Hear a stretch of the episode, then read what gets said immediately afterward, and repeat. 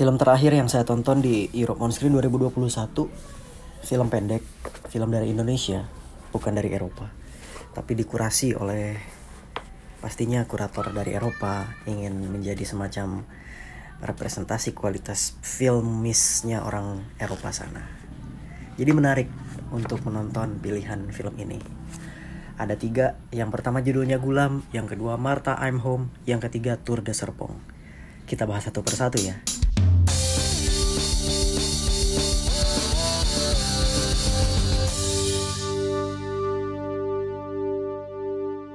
Pertama Gulam. Di sinopsis tertulis, tanpa memperdulikan kecaman dan teror yang diberikan oknum setempat untuk membatalkan pemutaran film yang dianggap mengandung unsur pornografi, Gulam dan Kecap nekat memutarkan film di layar tancap mereka. Gulam ini nama tokoh utamanya. Ketika nonton film ini, saya langsung ingat ke film dokumenter berjudul Balada Bala Cinema tentang pegiat film di Banyumas yang mendapat teror dari ormas yang uh, curiga tentang pemutaran film mereka. Biasalah kita kan kayak nggak biasa sih dan nggak boleh dinormalisasi ya.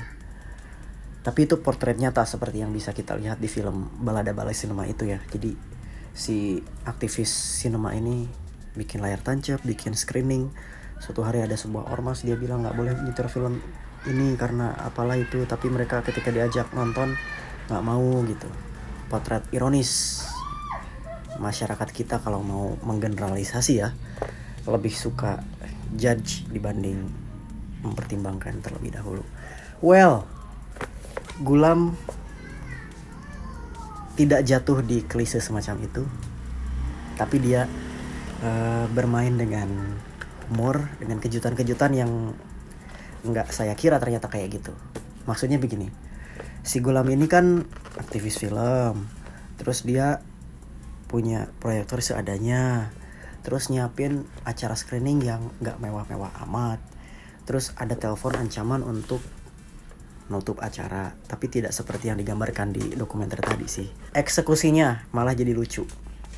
Dan itu juga ngingetin saya ke sebuah tweet. Tweet dari Dea Anugrah.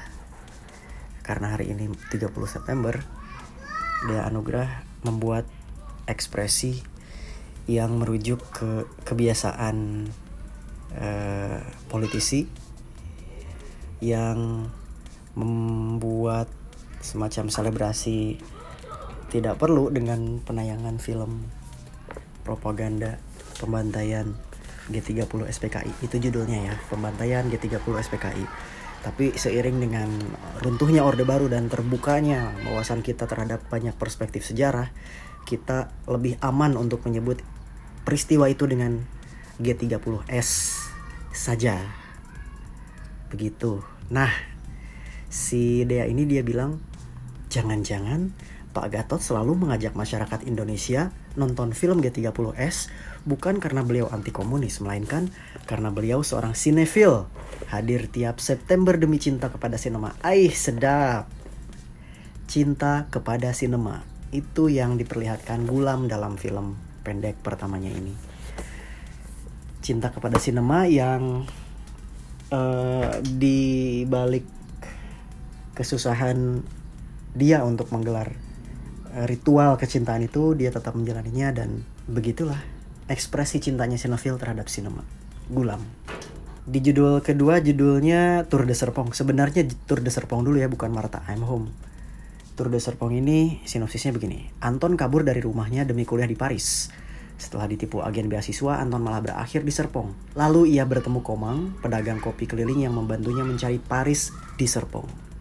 Komang, Anton, Kisah ini membuat saya teringat ke tulisan Ardi Wilda di blognya ardiwilda.com. Judulnya Dari Pojok Restoran.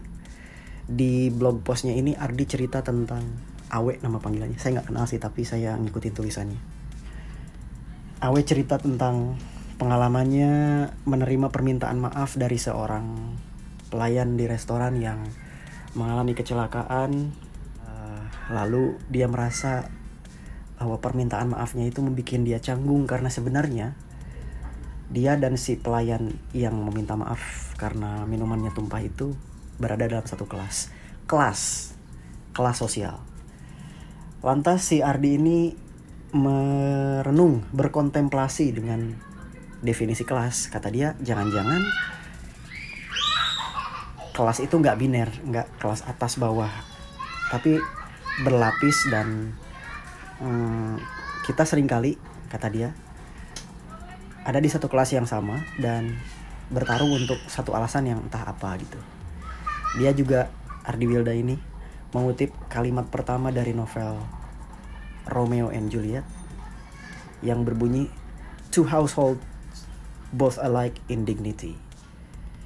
Lantas dia menambahkan keluarga Capulet dan Montag serupa dalam banyak hal. Keduanya tak bertarung karena perbedaan. Mereka bertarung justru karena persamaan. Sampai acap kali lupa alasan mereka bertarung. Semoga tetap paham ya alur pemikirannya. Ini kayak alur ngidul tapi my point is dari film Tour de Serpong ada ada kisah yang sebangun bahwa mereka Komang dan Anton sebenarnya ada di satu ruang sosial yang sama, kelas sosial yang sama. Kalau kita memang percaya tentang teori kelas sosial ya, namanya juga teori. Tapi mereka berjuang untuk kemaslahatan atau keselamatan diri masing-masing gitu. Keduanya memang punya kesialan masing-masing ya. Tapi pada akhirnya mereka harus ini spoiler nggak ya? Enggak deh kayaknya. Pada akhirnya mereka harus eh, terjebak lagi dalam situasi yang sama seperti Ardi Wilda ini. Berada dalam pertentangan dalam satu kelas yang sama. Padahal mereka sama dalam satu kelas tapi harus uh, bertentangan dengan caranya tersendiri. Oke. Okay. ini paling bagus. Tour de Serpong ini menurutku paling paling Europe on screen gitu loh. Karena di Serpong tuh ada miniatur Menara Eiffel ada Brandenburg Gate dan saya juga baru tahu. Menarik Europe on screen banget. Film terakhir judulnya Martha I'm Coming. Eh, I'm Home apa I'm Coming ya? Martha I'm Home ya. Setelah kematian istri, Johan menyimpan sebuah peti mati di kamarnya dan bersikeras untuk ditinggal sendiri. Hal ini pun membuat anaknya bingung terhadap perilaku sang ayah. Ini lebih surreal sih. Lebih subtil, sedih, sendu, agak lelah sih nontonnya. Me personally. Tapi mungkin buat orang-orang yang suka dengan hal-hal simbolik uh, penggambaran yang dramatik ini pas. Dan kisahnya milik Romeo and Juliet. Romeo and Juliet kan berakhir dengan uh, mereka berdua mati bersama. Nah ini juga. Eh nggak gitu deh. Spoiler ya? Ya ya udah deh. Tanggung. Eh tapi soal kesialan-kesialan di dua film pertama saya malah jadi keringat ke buku buku novel tepatnya kumpulan cerpen. Judulnya Muslihat Musang Emas karya Yusi Avianto Pareanom cerita-cerita di kumpulan cerpen ini menertawakan kesialan. Sial tapi alur ceritanya tuh kayak disusun sedemikian rupa sehingga kok jadi kocak ya? Atau jadi ironis? Atau jadi uh, bikin ketawa getir gitu loh. Nah film Tour de Serpong dan Gulam itu punya gaya yang seperti itu. Which is good bagiku. Saya suka. So itulah short film pitching project winner 2020 dan 2021 Europe on Screen juga eh 2022 tahun depan juga akan memberi dana kepada tiga film selanjutnya yaitu Bibir Merah Siapa Yang Punya karya Haris Supiandi dan Pawadi dari Pontianak lalu Catch the Release karya Andrew Kose dan Evi Cecilia Jakarta terakhir Riwayat Ceti karya Azalia Muhransyah dan Adi Anugroho Bogor. Sampai jumpa di Europe on Screen 2022